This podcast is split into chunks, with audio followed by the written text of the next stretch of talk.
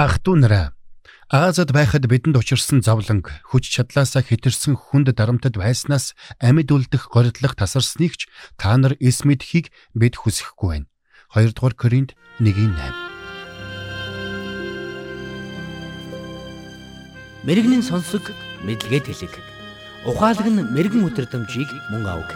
Доктор Харалт цаалогийн мэрэгэн зөвлөмж нэвтрүүлэг.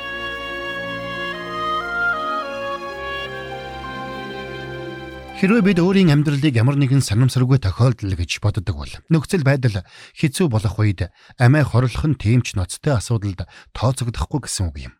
Гэтэл эсэргээрээ бид Бурхан хүнийг өөрийнхөө дүр төрхөөр бүтээсэн учраас хүмүүний амь амьдрал нь эрхэм нандин гэдэгт итгэдэг бол амиа хорлох нь бидний мэдих асуудал биш гэдгийг ухаарах болно. Үнэн дээр хүний амийг үн цэнтэд тооцдог учраас л ихэнх шашинд амиа хорлохыг зөвшөөрдөггүй. Тэгвэл бурхан үүнийг юу гэж харддаг юм бэ? Хэрвээ бидний амьдралд хандсан төлөвлөгөө бурханд байдаг бол амиа хорлолтыг бид хэрхэн ойлгох вэ? Бидний амьдралын нөхцөл байдал бурханд шийдэж чадхааргүй болтлоо дордно гэж байх уу? Үнэн дээр амиа хорлон гэдэг нь цаагаараа бурхан та намайг энэ асуудлаас аварч чадах үс хүчтэй биш юм байна. Тиймээс би энэ амьдралаа өөрөө дуусгах нь хамгийн зөв алхам юм байна гэж хэлж байгаатай адилхан юм. Тэгвэл хамтдаа амиа хорлох тухай асуудлыг авч үзэцгээе. Хэдийгээр бидний ихэнх нь үүнийг биднээс алс холын асуудал гэж боддогч үнэн хэрэгтээ өнөөгийн нийгэмд нүүрлээд байгаа маш том асуудлуудын нэг юм. Ялангуяа 18-аас 24 насны залуусын хувьд амиа хорлолтын хувь хэмжээ улам бүр ихсэх хандлагатай байгаа нь аюулын харанг дэлдэж байгаа үзэгдэл юм. Тэгвэл юуны төрөнд бурхан үүнийг хэрхэн авч үздэг болохыг харцгаая. Библийн туршид энэ сэдв тиймч олон хөндөгдөөгүй. Ерөнхийдөө Библиэлд 5 удаа амиа хорлсон тухай өгүүлсэн байдаг. Хамгийн эхнийх нь Саул хаан Элдэн дээрээ унаж амиа хорлсон бол хамгийн сүүлийнх нь Иудас өөрийгөө дүүжилж амиа хорлсон юм.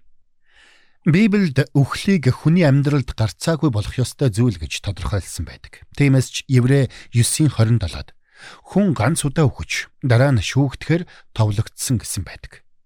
Логикоор бодоод үзэхэд бурхан биднийг энэ дэлхий дээр зоригтойгоор авчирсан юм бол энэ дэлхий дээр бидний амьдрах цаг хугацаа болон энэ дэлхийг бид хэрхэн орхихыг ч тэр мөн төлөвлөсөн байх учиртай. Харин та тэр хугацаанаас нь өмнө амьдралаа дуусгах гэж оролдох нь хэр ухаалаг алхан байх вэ?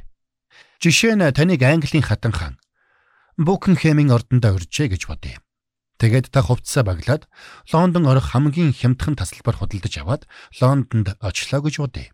Гэвч танд хангалттай мөнгө байхгүйгээс гадна Лондонгийн зочид буудал маш үнэтэй учраас Hyde Park-ийн оролцоо нэгэн хямдхан тухгүй буудалд буусан байна. Та Букенхэмийн ордонд баасан гарагт очих ёстой ч дөнгөж даваа гараг болж байна. Таны буусан зочид буудлын хоол нь идэхийн аргагүй. Өрөөнч тогтохгүй байж гин. Тэгээд та дотроо би энд ягаад ч баасан гараг хүртэл тэсэхгүй юм байна гэж бодоод урилга гартаа бариад Букенхэмийн ордон руу явжээ. Тэгээд урилгынхаа огног хуруугаараа дарж угаад хүлээн авах ажилтанд үзүүлжээ. Гэвч таныг нэвтрүүлсэнгүй. Тиймээс та түүнийг түлхэж орхиод хэд хэдэн ажилтнуудын хажуугаар гүйж хатан хааны өрөө рүү дайран оржээ. Харин хатан хаан өрөөндөө загтал бичээд сууж байв. Хэдийгээр хатан хаан өгөөмөр сэтгэл гаргаж таныг хүлээн авч ярилцаж болохч та өргөцсөн хүлээн авалтаас олон хоногоор төрүүлж ирсэн учраас та хүлээн авалтад оролцох боломжгүй болно гэсэн үг. Тэгвэл цагаасаа төрүүлж амиа хорлно гэдэг үүнтэй адилхан юм. Үнэн дээр амиа хорлж байгаа хүмүүсийн 3-ны нэг нь энэ үйлдэлээр надад тусламж хэрэгтэй байна хэмээн хашгирч байдаг. Угтаа бол тэд өгөхийг хүсээгүй байдаг. Харин 3-ны нэг нь сэтгэл санааны хувьд гүлийж гисэн байдаг. Тэдний хувьд амьд явах хэсэг нь огт хамаагүй болчихсон байдаг. Өөрөөр хэлбэл тэдний амьдрал бүхэлдээ утга учиргүй мэд санагдах болсон байна гэсэн үг. Харин үлдсэн 3-ны нэг нь өөрсдийн хийж байгаа үйлдэлээ маш сайн ойлгож байдаг. Гэхдээ тэд сэтгэлээр унж, сэтгэл готрол давтсан учраас амьдралаа дуусгахыг хүссэн гэсэн үг. Эндээс би нэг чухал санааг хэлэх гэсэн юм.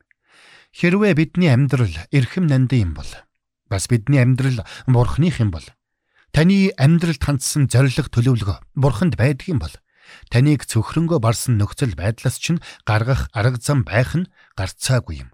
Та нэг зүйлд бүрэн итгэлтэй байж болно. Таны амьдралд хандсан Бурхны төлөвлөгөөний хаанч амиа хорлолт гэсэн үг байхгүй. Та үүнд бүрэн итгэлтэй байж болно.